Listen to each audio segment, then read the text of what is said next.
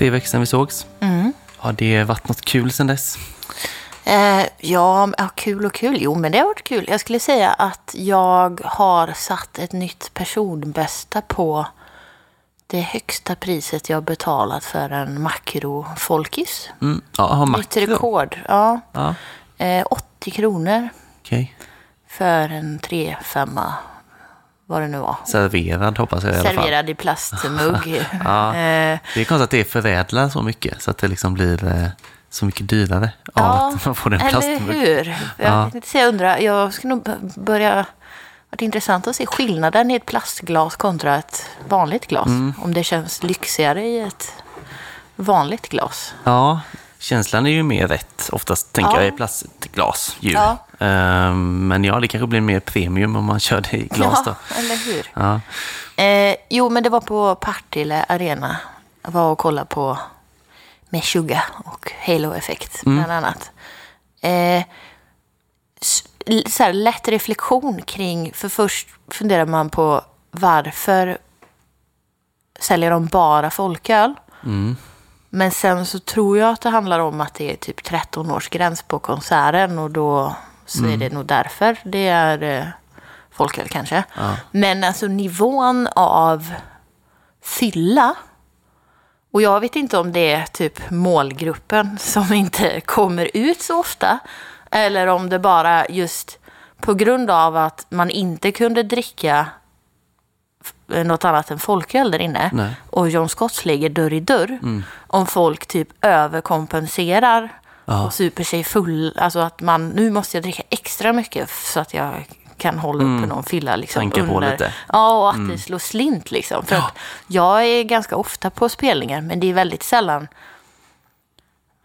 jag tycker att det blir så, så stökigt fyllemässigt liksom. Ja. Men eh, det kanske är storleken på arenan. Jag vet inte om det. Ullevi brukar ju också in, innehålla en Ja. stor mängd eh, fulla människor. Tänker ja. jag.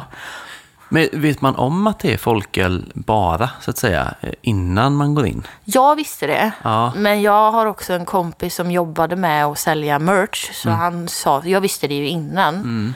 Men jag vet inte om om andra gör det. Nej. Men då skulle det nästan kanske så att effekten blir ännu mer. Om du kommer dit och bara, va? Jag bara köpa folköl? Och så bara, ah, okej, då måste jag gå till John Scott. Mm. Ja. Skynda sig mellan banden och då typ köper man ett par shots. alltså, eller att man precis. kanske kompenserar på något sätt. Det är det som är väldigt så, konstigt kan bli så kontraproduktivt. Ja, Att ja. Ska, så här, vi kör lite lägre alkohol så att det blir lugnt. Ja. Och så blir det så istället. Ja, men jag tycker också så, så också så blir- väldigt svenskt det. Ja. Alltså överhuvudtaget att liksom, ja men det ska till lite fylla ändå liksom. Och då får man gå runt systemet lite grann för Ja. att lyckas få den fyllan. Ja, ja. Vad var det för folköl då? Jag vet inte om det var vilken av dem det var typ. Mm. Smakar ju li- nästan likadant. så. Ja, Mm. Kan ha varit Mariestad, men jag ska inte ta gift på det faktiskt. nej. Men är små, det är ju inte värre än en eh, Prips på Pustervik. Liksom. Alltså, nej. Det smakar vad det smakar. Ja, liksom i det sammanhanget och typ som om när man går på match på Gamla Ullevi också så liksom så duger det på något sätt. Eller det är Ja. bra, det är ändå en stämningshöjare. Även Ja. om det inte är jättegott så är det inte jätteäckligt heller. Liksom. Nej, Det, nej, men det har ju någonting. Ja, ja. Det har det absolut. Ja. Ja. Det ska inte vara så gött jämt nej, heller. nej, det ska inte. Det ska inte vara för gott. nej. Nej, inte ta fokus från det, det man är där för. Nej, eller hur? Eller hur? Ja. Men har du, eh, vad har du gjort sen vi sågs senast? Ja, alltså mest skrivit bok. Ja. För nu är det ju eh, intensivt. Eh, för nu börjar det bli ganska mycket deadlines. Mm. Så pass långt har det liksom gått nu. Och förra veckan så var det möte också med förlaget Mm. och med fotograf. Faktiskt, för nu finns det fotograf. Oh, Det är coolt. Eh, som ska ta bilder på dig då? Eller på... ja, eller han fotar ju hela boken.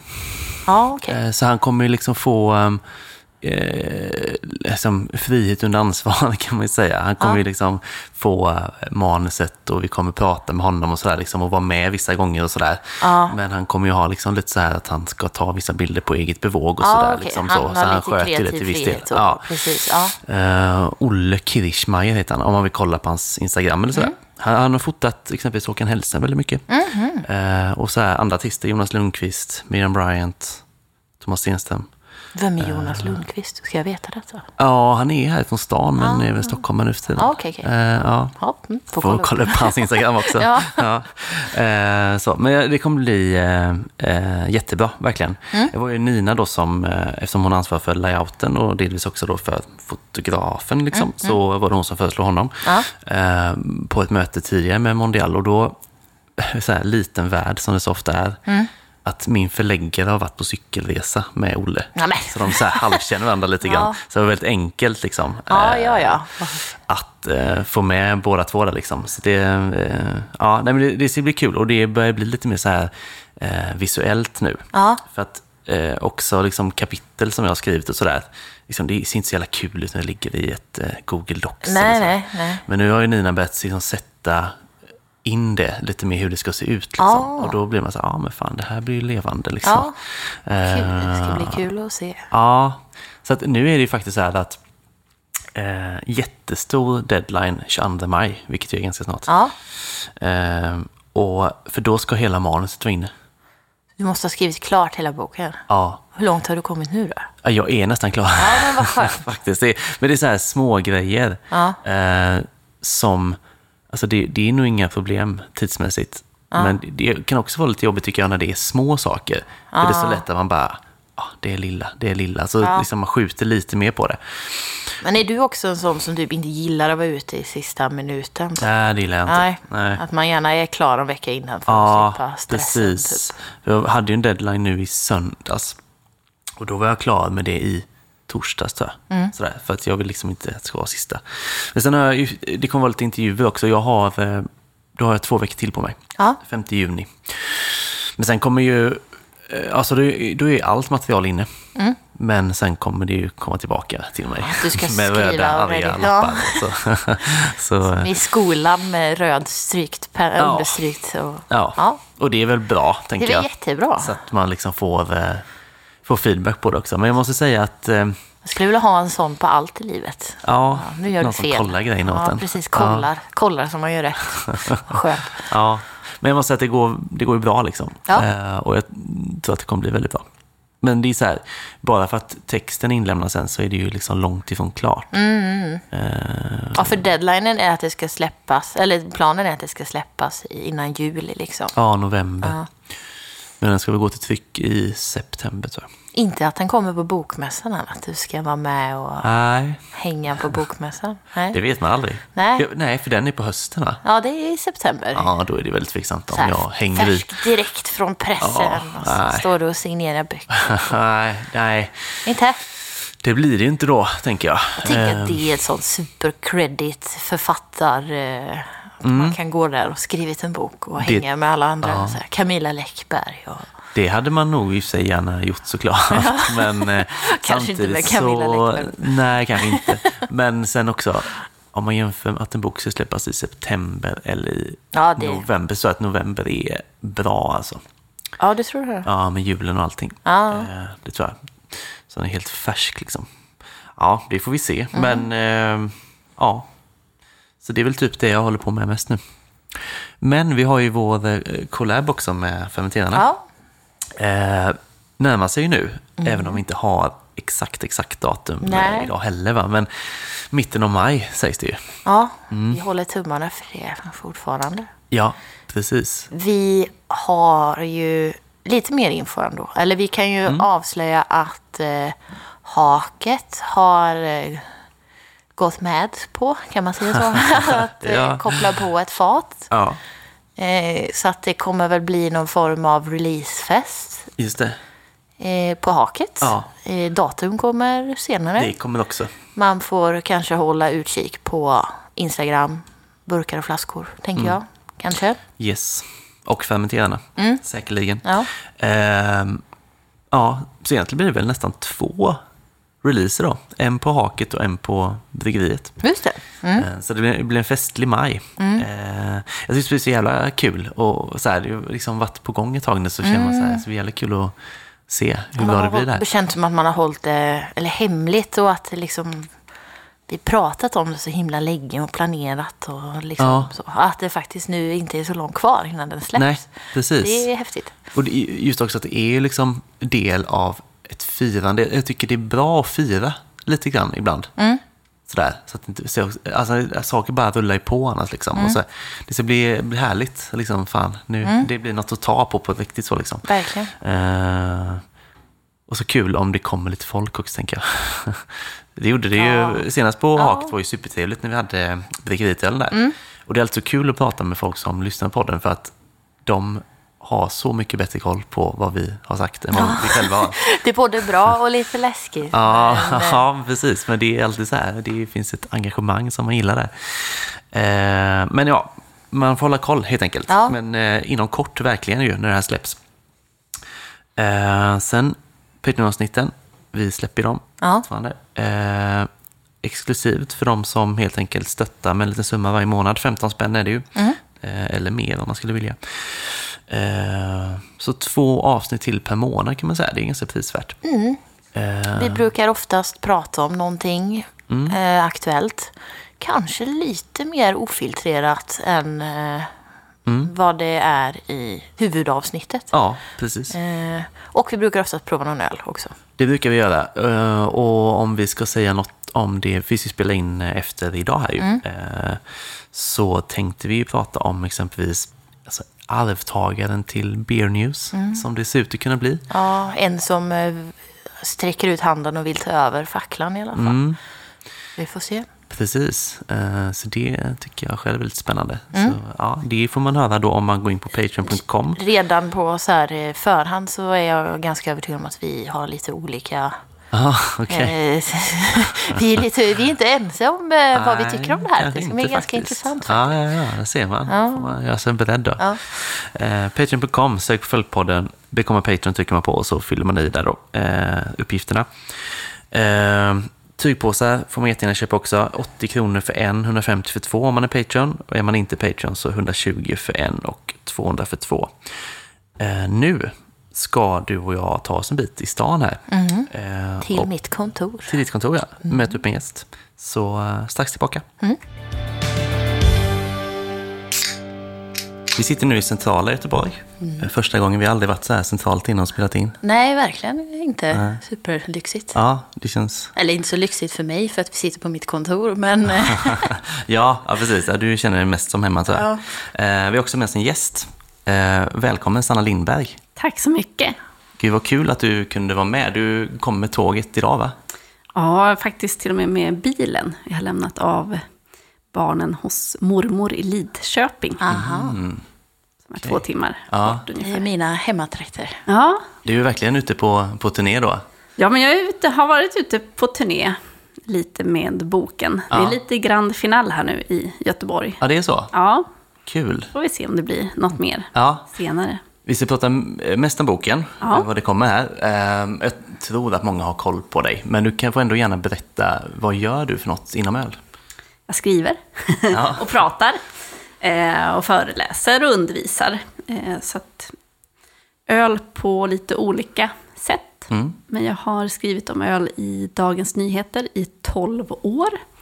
Och det var väl egentligen där det började.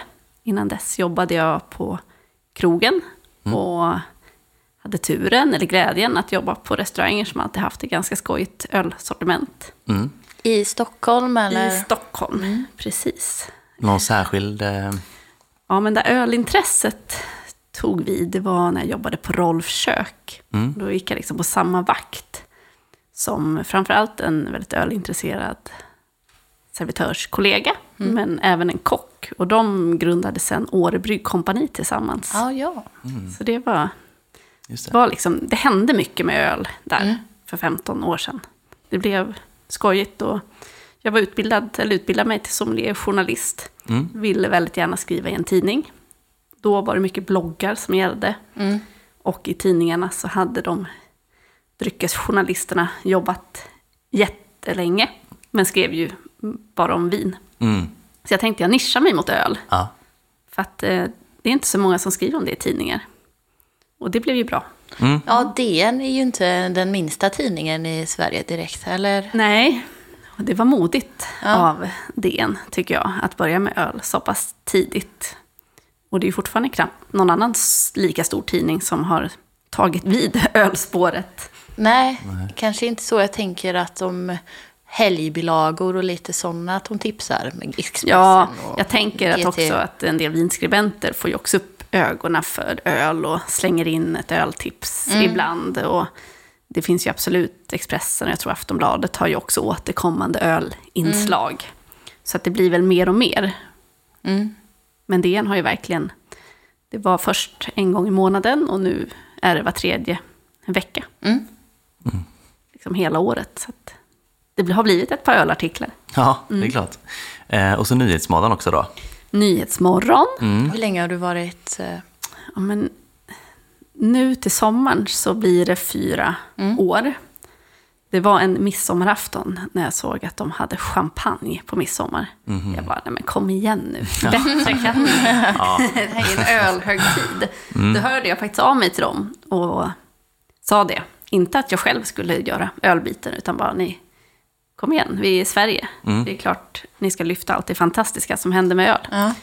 Och efter det så fick jag komma dit och prova. Och sen, när man håller på med öl blir man ju lite av en så här högtidsperson. För att ölet är ju återkommande vid många högtider. ja, just det. Ja. Så att det är ju framför allt vid jul, vid påsk, vid midsommar, oktober, kräfter ibland. Mm, När ölet kommer. just det. Mycket mörk lager Ja, får jag prata om. ja, det är så. Ja. Var det nervöst? Alltså, tv är ju ett helt annat... Jag tänker eh, podd tyckte jag var väldigt obekväm från början. Men tv låter ju mina... ja, direktsändning och sådär. Ja, tycker jag. alltså tv och podd, båda. Jag tänker att man är journalist lite för att man tycker om att gömma sig bakom sin dator. Ja. Eh, Jag har i alla fall trivts bra där. Så att absolut, det var jättenervöst. Mm. Och nervöst att prata så här och föreläsa. Men Mm. Samtidigt så känner jag att har jag möjligheten att nå ut med det här budskapet, så, eller att berätta och inspirera Mm. om öl, så la jag den rädslan lite åt sidan och tänkte nu här får jag får bli en utmaning istället. Just det. Jag spanar ju mycket på din eh, Instagram nu för tiden. Mm. du ser ut att ha ett väldigt härligt liv. Ja, Ja, eh, och det är ju mycket med, med boken då såklart. Och eftersom jag själv håller på att skriva en bok så, så följer jag med väldigt stort intresse då. ja. Hur kom idén till boken? Jag har velat skriva en bok ganska länge och har även pratat med förlag till och från. Men jag har haft så svårt att landa i vad den ska handla om eftersom öl har utvecklats i Sverige så snabbt. Så här, hur skriver man en ölbok utan att den blir daterad? Och förlagen som jag pratar med, de hittar liksom inte heller någon vinkel utan ville mer göra så här, de här ölen ska man dricka, eller de här ölstilarna är moderna. Och jag visste väldigt tydligt att jag inte vill göra en bok om ölstilar, hur man gör öl och den typen. Utan Det finns ju väldigt många Ja, så. precis. det finns ju det. Eh, Men sen var jag på semester och då kommer man ju på bra idéer. Och så låg jag där på Santorini, på den här vulkanstranden och bara, ja, nu vet jag hur jag ska göra. Och hörde av mig till Bonnier som efter några möten sa ja. Vad härligt. Då hade du egentligen en idé. Du har inte skrivit så mycket i det läget kanske? Nej, det hade jag inte gjort. Jag hade en idé eh, som jag sen förverkligade i en slags synopsis. Mm. Med en kapitelindelning i stort sett. Ska vi se, jag tror inte vi har sagt eh, titeln Nej, på boken och det? vad den handlar om. Nej. Eller mer eh, så, Ja, eller? Då kommer den nu. Ja, den nya ölkulturen. Precis. Eh, och som jag fattat det, jag har inte hunnit läsa den, men jag har ögnat igenom den. Men att eh, eh, det känns som att den handlar liksom om den, det jag känner saknas i... Det finns jättemånga böcker om så här gammal historia om öl, men den här nutidshistorien som jag tycker är intressant, att det är det som boken fokuserar på. Blandat med liksom lite hur man parar med mat och mycket berättelser från olika bryggare och sånt. Ja, men precis. Alltså, den hand, jag brukar lite skojsamt säga att den tar vid där andra ölböcker slutar. För det har ju heller inte kommit så mycket ölböcker de senaste åren när allt det här roliga har hänt.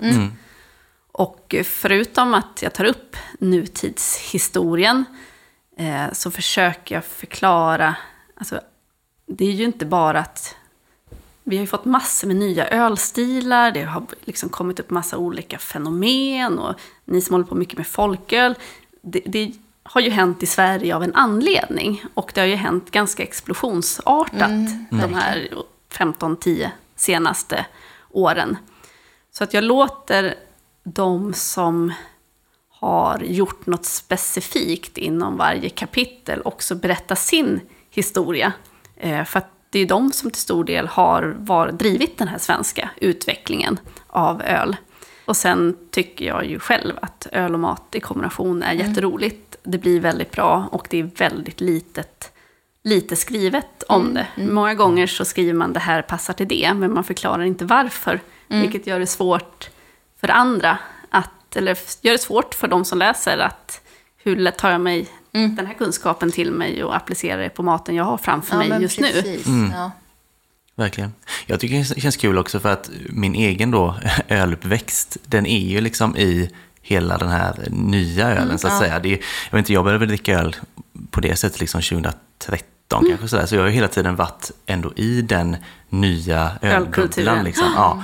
Och eh, det, det är också skönt tycker jag. Jag ska också läsa den och tänker det är skönt att liksom ta ett steg tillbaka och liksom verkligen läsa, just det, allt det här har hänt. För när man är i det så tänker man kanske inte alltid på liksom exakt hur mycket som har hänt med nya bryggerier och stilar. Sådär, Men liksom. all, allt har ju hänt, men de som har stått för en stor del av förändringen, de är ju i allra högsta grad fortfarande delaktiga i ölscenen.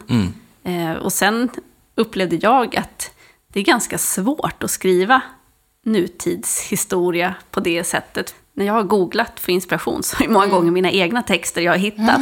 Ja, ja. Eh, för att det har inte funnits någon öljournalistik på, på det här sättet under de här åren. Det är Johan på Caro Hops, men fortfarande är det många som har skrivit utifrån liksom ett mer internationellt perspektiv. Jag har till stor del ändå fokuserat på det ur ett svenskt perspektiv. Eh, och genom att... Och den här boken är ju skriven tack vare att jag har rest runt på så många bryggerier, att jag har pratat med så många i branschen och baserat på en kunskap som jag har i mig efter Mm. också testat all denna öl i alla år. Just det. Händer det att du hänvisar till dig själv i boken? det är Nej, en men, artikel. nej, ja, nej, det gör det ju inte. Men jag menar, jag skriver ju fakta som jag på, själv har hittat på. Liksom. Ja, ja. Och det är ju ganska annorlunda att skriva, som journalist, du skriver all den typen av texter. Det är möjligtvis, och sen att det är dessutom skrivet utan tyckande, utan mer så här beskrivande. Det här har hänt, men det är ju fortfarande mina egna slutsatser och funderingar som lägger, ligger till grund för texten. Och där har ju de här porträtten också varit väldigt hjälpsamma i tycker de stärker ju ofta det jag har skrivit. Eh, och för, kan mer i detalj förklara Just det. vad som har hänt och varför det blev på det viset för dem. Ja, Jag tyckte de var jätte... Jag började läsa och porträtten lite, kolla vilka som var med. Jag tyckte det var väldigt roliga historier. Oftast eh, som de berättar blir så personligt. Bryggerier som man känner väl till. Man kanske har koll på bryggaren. Men då är vi också kanske mer insatta än gemene Ja. man. Och att få liksom den personliga kopplingen till personerna bakom bryggeriet och var väldigt roligt. Jag skrattade åt eh, Oppegårds... Eh, Ja. Vad heter han? Björn? Björn, ja. Ja, det stod att han, eh, han var liten så byggde han en epa själv. Och Ja. så tänkte han, kan jag göra det så hur svårt kan det vara att brygga öl? Ja. typ. så, Nej, men jag, de, jag ska också säga att alla har varit väldigt generösa i sitt berättande. Så det har varit väldigt roligt att skriva de här porträtten. Eh, Även om jag har ju valt ut dem för att jag vet vad de har gjort. Så är det ju, har ju de här porträtten tagit lite olika vändningar när de har börjat berätta. Så att, eh, Hur länge har du hållit på och skrivit på boken? Men jag fick bokkontrakt i januari förra året.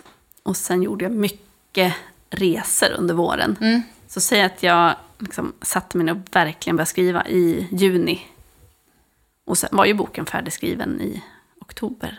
Det är ett högt tempo ändå, men du som journalist kanske är van vid det, att liksom producera. Alltså jag hade ju gärna sett att jag hade kommit igång med skrivandet i februari, men jag tror, jag vet inte om hur det är för dig, men som journalist, eller jag har i alla fall svårt att skriva utan att deadline närmar sig. Mm, ja, det är så ja. Eh, så att eh, nu hade jag väl gärna haft mer tid, men samtidigt, man presterar ju bra under tidspress Mm. också. Och i och med att jag hade samlat ihop och gjort så många intervjuer och hade underlaget, jag, jag hade hela tiden en väldigt tydlig bild av Mm. vad det var den här boken skulle innehålla. Skönt. Vad har varit svårast tycker du? Men det är den här nutidshistorien. Att Ja. skriva om någonting som ingen annan riktigt har skrivit om, men som så många människor har upplevt. Mm, Att göra den rättvis. Just det. Eh, och hela tiden utifrån ett svenskt perspektiv. För att det gör också boken annorlunda. För annars utgår man alltid från andra länders ölkulturer. När man skriver om Sverige och förklarar varför har vi inget liksom, traditionellt svenskt öl på det sättet. Och, Mm. eh, hur kommer det sig att vår första, vårt, det svenska mötet med syrligt öl egentligen snarare var de här kettle sours Mm. mer än... Så att försöka ta det ur det perspektivet hela tiden. Det har varit roligt och utmanande. Mm. Just det. Eh, ser boken liggande sen nu. Den är väldigt fin också. Och det är ju, eh, som man tänker att det är mycket, det märker jag ju nu i min egen process att skrivandet, absolut, men nu börjar det liksom komma in där, hur ska den se ut och liksom, ah, olika val sådär. Eh, har du varit mycket aktiv med hur designen ska vara? Ja, väldigt. Jag hade en tydlig bild om att den skulle inte se ut som andra ölböcker. Nej, Som sagt, det ska ju också sägas att det har ju inte kommit så mycket ölböcker de senaste Nej. åren. Just det. Eh, men jag vill inte ha så mycket flaskor och burkar på bild, för Nej. det är ganska avslöjande för när en bild är tagen. Mm. Och så vill jag ha illustrationer. Jag vill inte, som det är ett historiekapitel till exempel, och där, ja, jag visste jag, även om det finns fantastiska bilder från förr, så vill jag inte använda mig av dem, utan liksom hitta ett nytt grepp. Så att det är Katie Kimball har gjort illustrationerna, och Gustav Westerberg har tagit bilderna. Och jag minns när jag satt på första mötet, liksom hela teamet, och jag sa så här, men det ska liksom inte vara några öl i glas, Mm. den typen av bilder, liksom inga flaskor. Vad förläggaren tittar på mig bara, men vad ska, den, vad ska vi fota då? liksom. vad ska du ha på bild då? Men eh, Gustav, som eh, själv är väldigt kunnig inom öl, han förstod precis vad jag menade. Och eh, har varit väldigt generös med sin tid och lagt mycket energi på att verkligen fånga ölet ur lite andra vinklar. Har liksom han se med och gott när, ut. när du har åkt, åkt runt och intervjuat? Har han följt med dig då? Ja, han har varit med i princip på alla resor eftersom han även har tagit porträtt samtidigt. Men har suttit med och lyssnat på intervjuerna först och ibland kompletterat med lite smarta frågor. Mm. Och sen så har vi avslutat med porträttfotografering. Känner du att du skulle vilja skriva fler böcker? Eller har du fått, är du avskräckt eller är det mer smak? Nej men både och. Eh, som sagt, det har tagit jätte, jättemycket tid. Eh, och jag får se om det var liksom... Den här boken vill jag väldigt gärna skriva. Men det, ska jag skriva fler böcker så måste det nog ändå vara lite ekonomiskt försvarsbart. Ja, just det. Eh, får vi se. Ja, Han blir inte miljonär på att skriva en bok. Nej. nej, det är klart. Och, och man Och sluter jag på tycker så tiden här, också. öl är så superbrett och att det Mm. intresserar hur många som helst. Men på förlaget så tycker de ju att det är en extremt nischad bok. Ja. Okej. Och då har ju, tänker jag att du har ju en ännu Ännu mer nischad nisch, ja. bok. Ja, Ja. precis. Men det Eh, är... Men Jag tror att de... Min, min känsla är att mitt förlag eh, omfamnar det supernischen. ganska mycket. Ja, Ja, jag precis. älskar det. Ja, så jag, jag hoppas på, på att den ändå kommer sälja hyggligt. Vi får Ja. se. Eh, och vad är hyggligt? Jag vet inte. Nej, Nej, jag vet heller pass. Ja, Ja. nej, precis. Är det svårt att hantera, alltså när man skriver om histo- nutidshistoria eller samtidshistoria som he- hela tiden fortsätter att hända? Förstår vad jag menar? Att, och nu känns det som att det händer väldigt mycket i att den här krisen liksom, Ja. som uppstått nu, eller det, har det varit svårt att hantera när man lever i tiden man skriver boken om också? Liksom? Ja, men det, det är ju det som har varit en stor utmaning. Eh, och det var därför jag så här ändå valde att haka upp på saker som har hänt. Och sen lite hade jag ju lämnat manus när det började, när det blev lågkonjunktur och Ja. Eh, även om jag är inne och nuddar på det. Men även om, jag har ju till exempel ett kapitel som tar upp det här med gårdsförsäljning och differentierad alkoholskatt och varför bryggerierna startar sina taprooms och man har ett större folkölsortiment än tidigare. Eh, och det kapitlet kan ju bli inaktuellt väldigt snabbt om gårdsförsäljningen skulle gå igenom, till exempel. Ja. Men samtidigt så har ju det här ändå hänt. Det är ju fakta, så här har det varit. Och det är därför Öl-Sverige har formats på det sättet som det har gjort. Så det är möjligt skulle det bli en till upplaga och det har gått igenom att man kan justera, ja, just det. Ja. kan justera liksom vissa formuleringar. Men fortfarande är det en viktig del av Ja. hur Öl-Sverige har formats i sin moderna tappning. Ja, ja verkligen. Var någonstans, tänk, om man tänker så här, eller kan man säga årtal som det börjar? Har du något så här från att bokens, den här nya ölkulturen? Men den här tar ju lite avstamp från IPA, IPA-revolutionen. Det är ju liksom första kapitlet i Ja. boken. Eh, och då, sen backar jag ju tillbaka och berättar om tidigare också, men när den här superexplosionen av bryggerier är och alla gör IPA på kors och tvärs. Och Just det. det gick ju väldigt snabbt där under ett par år, runt 2010. Mellan 2010 och 2015 gick det ju väldigt snabbt. Ja. Väldigt eh, meta nu att jag fick sms. Jag vet inte om man kanske hörde det till och med. Det var ju din bok som kom nu. Ja! Så, så hämtade jag den efter här tänkte jag. Ja. Så nu är alla på banan.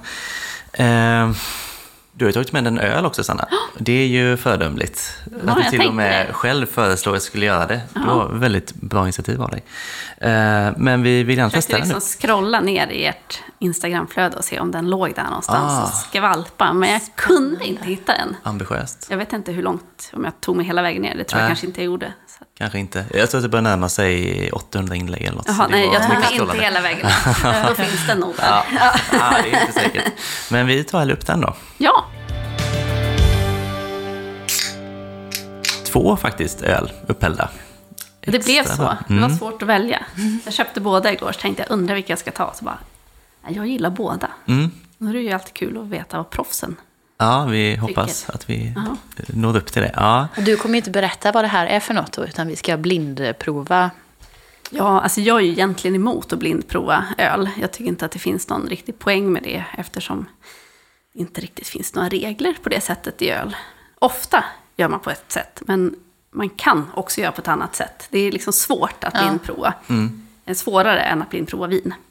Men jag tänker att när jag håller undervisar och brukar jag alltid i alla fall det kan vara bra att inte lägga för stor värdering på etiketten och göra en kvalitetsanalys av ölet utan att veta vad det är. Så att jag är inte på jakt efter att ni ska spika ölet Nej. utan mer så att säga om det är Gott. gott eller mindre gott. ja just det. Ja, det tror jag vi ska lyckas med. Ja, så jag tycker vi börjar med den ljusa. Ja, absolut. Som har ett väldigt fint skum.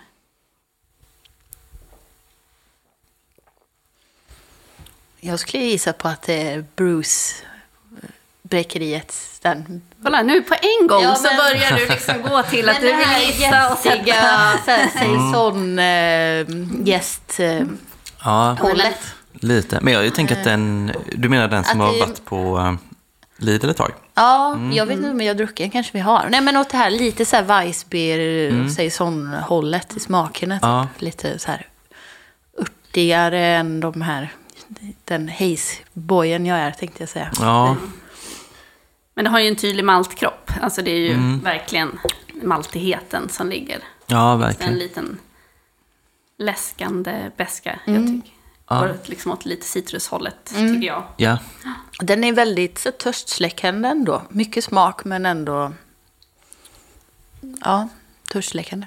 Men väldigt, väldigt fyllig. Jag Ja. tror ju... Ja, men den är ju sma- den är smakrik. Den, jag tycker att vad de har lyckats så bra med här är att de har fått en ordentlig kropp. Ja, Eh, utan på något vis att den känns vörtig, utan att den... Den känns ju helt utjäst och balanserad. ja, jag hade svårt att tro, alltså om jag hade fått det här helt blint och inte vetat att det var folköl så hade jag haft svårt att tro att jag skulle kunna tänka, alltså gissa att det var Nej. folköl. det är väl just det med, med kroppen på den som oftast blir problem. Och ibland märker man ju i vissa folköl att okej, de har humlat den här väldigt mycket nu för att liksom Och då blir den istället vis, obalanserad väskan. Ja. Liksom, det finns ingen maltkropp som Nej, möter den. precis. Så att, en väldigt bra gjord och väldigt bra stil misstänker jag också då. Vissa stilar känns ju ändå lite enklare att få Ja. till liksom. Men det här ölet är från Kvänum Mat och Malt. Ja, ja. Och heter Annikas Lätta. Så den är faktiskt bara på 2,8 procent. Ja. Du sa ju att du hade scrollat in i vårt flöde. Eh, och du hade fått scrolla jätte, jättelångt att hitta den här. För Ja. det var nog andra avsnittet tror jag. Ja, någonstans dit Ja, tiden. ja, var- ja, du ser. Ja, jag ja, kom inte kul. dit. Nej. Men superlänge sedan. Det här är ju inget vi hittar här riktigt, ska jag säga. Hemma i Götene. Ja, det är så? Mm, ja, jag kommer ju från Lidköping nu då, ni från ICA Hjärtberg. Ja, det är, ja, ja, ja. Ja, Men vad, vad kallar man det för stil, typ? Eller är det en... Men, går det som pale ale? Ja, jag tror att det går som en pale ale. Ja.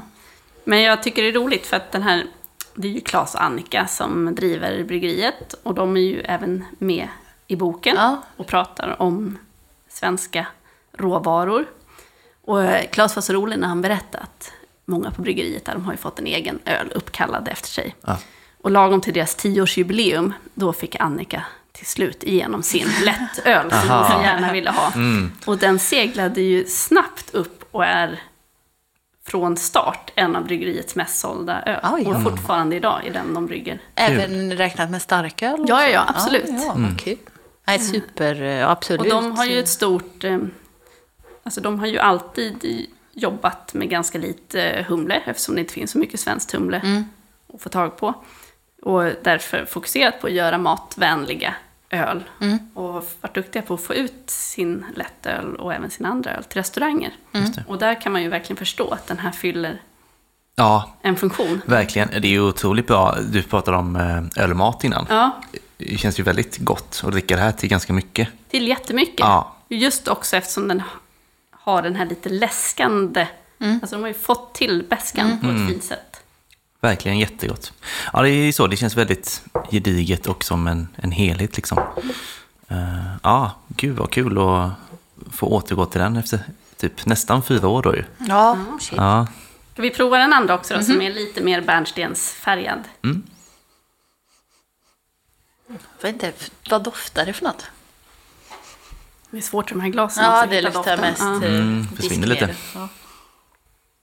diskmedel. Ja, men från eh, glasen luktar mer än ölen.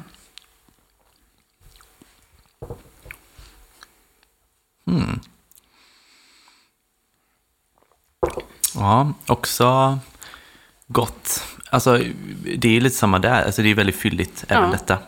Ehm, Och den har ju lite mer rostad karaktär. ja. precis. Alltså, jag funderar på om det här, alltså, ja, jag behöver inte gå rakt på sak så, men jag funderar på om det kan vara en, kanske mild eller någonting i min värld. Men, eh, Kolla, ni vill vara blind. ja, Alltså, Det är, det är en skada man har det här med att man ska bara hitta vad det är för Hitta något. svaret, ja precis. Det här är också Annikas lätta, fast den som heter bärnsten. Eh, och den görs på um, brödrester från Dafgårds.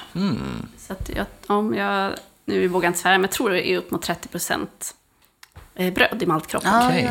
ja, ja. Liksom, Jag skulle säga att den är, det är inte riktigt min favorit heller. Men, eller, men det är nog för att det är mycket brödighet i, i ja, men den har en liksom. liten brödighet, men den är fortfarande den är ju fylligare Ja. än den andra. Ja. Har en lite tydligare beska. Och tror jag funkar bra till de lite mer smakrika rätterna. Ja.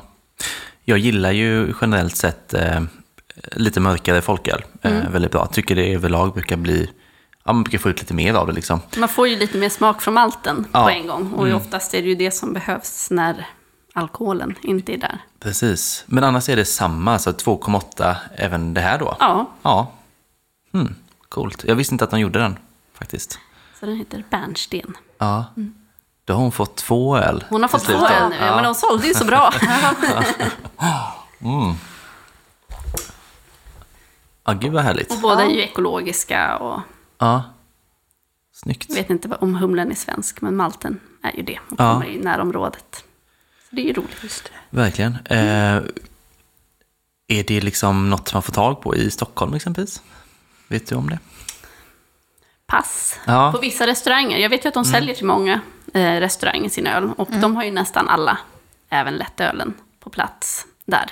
Just det. Men hur, det ser ut i övrigt, det kan jag inte riktigt svara Nej. på. Det är alltid det som är lite svårt sådär. Eh, Det är alltid svårt med öl. Och framförallt då när det, man inte har Systembolaget till hjälp. nej, precis. Nej. Den sökfunktionen är ändå ganska god såklart. ja, Jag är ganska säker på att man kan hitta Kvärnumsöl i alla fall på The Barn i här. Ja, men det vet nära. jag att man kan Ja. göra. För de, jag vet inte om de är lite ihopkopplade på något sätt. Eh, The Barn har gjort eh, öl tillsammans. De Ja. gör, och jag tror att de återkommande gör öl tillsammans med Kvänum. Ja. Så att mm, i Göteborg på restaurang om man skulle, så skulle jag chansa att finns det någonstans så är det nog där typ. Men det känns som jag har sett den på något mer ställe. ja men jag tror så här ICA Fokus exempelvis har jag köpt på någon gång. Ja, men det är väl lite vara- från gång till gång kanske. Ja. ja, men det borde man verkligen köpa om man ser Annika Slätta. Ja, men verkligen. Det här är ju inte riktigt min så här favoritstil att dricka bara rakt Den andra av. av dem. Ja, eller båda två egentligen kanske. För att den har den här smaken som jag... Ja, som jag säger, som blir lite... Alltså jag tycker ju typ att det är gästigt. Men det är som det är nog vörten som gör att den smakar lite så. Ja, Men jag tror att de har använt sig av en aromatisk gäst Ja. också. Men det är ju framför allt att liksom, det är ju maltigheten Ja. i det som står i första Ja, rummet. Och är man mer lagd åt att man gillar att ha humlen där Ja. så är ju inte det här... Men jag som provar så väldigt mycket säsongsöl Ja. är ju van att dricka den här typen av ja just det. öl. Och i och med, jag pratar om Lidköping och min mamma har ju ett ställe där. Så vi tillbringar mycket Ja. Jular och midsommar och även påskar Mm. där. Och Kvänum är ju väldigt duktiga på sina säsongsöl. Ja. Så jag har i många år återkommit till dem vid högtider. Mm, Ja, det för det jag skulle säga är också att även om jag inte typ gillar det som, att, så här, som sällskapsdryck så känns det verkligen, verkligen som bra matöl. Alltså, Mm. det- det De håller en hög lätt kunna- kvalitet. Ja. Ja, och att jag skulle kunna tänka mig vilja ha det till maten eh, utan problem. Liksom. Ja. Gud ja. Ehm, Vad roligt att jag fick ta med mig dem. Ja, ja, jättekul. Och som sagt att vi fick återbesöka detta ja, bryggeri. eller hur? Ja. Ja. Men eh, du har ju fler eh, ärenden här i stan. Ja, För det nu har jag. ska du på eh, boksignering. I OO Bar. Just det. Har du varit där innan? Ja, Mm. det har jag. Det är en, en ganska liten bar. Ja, det är Det det. blir lång kö utanför. eh, Hoppas det. Ja. Ja. Ja, Nej, vi får se. Men det ska bli jätteroligt. Olle och Olof är ju med i Ja, boken och det berättar om när ölet blev hazy. Ah, Det tänker man ju sig idag att det har det alltid varit. ja, ja. just det. Men, ja, Ja, ja spännande. Ehm, jättekul att du eh, tog dig tid att komma även till oss. ja, jätteroligt. Tack så mycket. Eh, och lycka till ikväll. Tack snälla. Nu ska vi ju spela in lite Patreon. Och det ju, var ju väldigt kul att Sanna hade med sig två öl från eh, Kvänum. Eh, för jag tänkte att vi skulle dricka en eh, rabarber ale, tror jag det är, jag säga. Ja, Barbro, tror jag den hette. okej. ja. Med rabarber i. Eh, så ska vi dricka den i Rabarbro. Patreon. Rabarbro, ja. eh, prova en till då i Patreon. Och snacka lite skit. Gud vad härligt. Kul med Kvänum-tema verkligen nu då. Verkligen. Eh, ja, och glöm då inte heller eh, hålla koll på våra sociala medier. Eh, mycket kul som händer framöver. Eh, och så tackar vi Hannes för att han klipper. Vi tackar John för introlåt. Och så hörs vi om tre veckor igen. Det gör vi.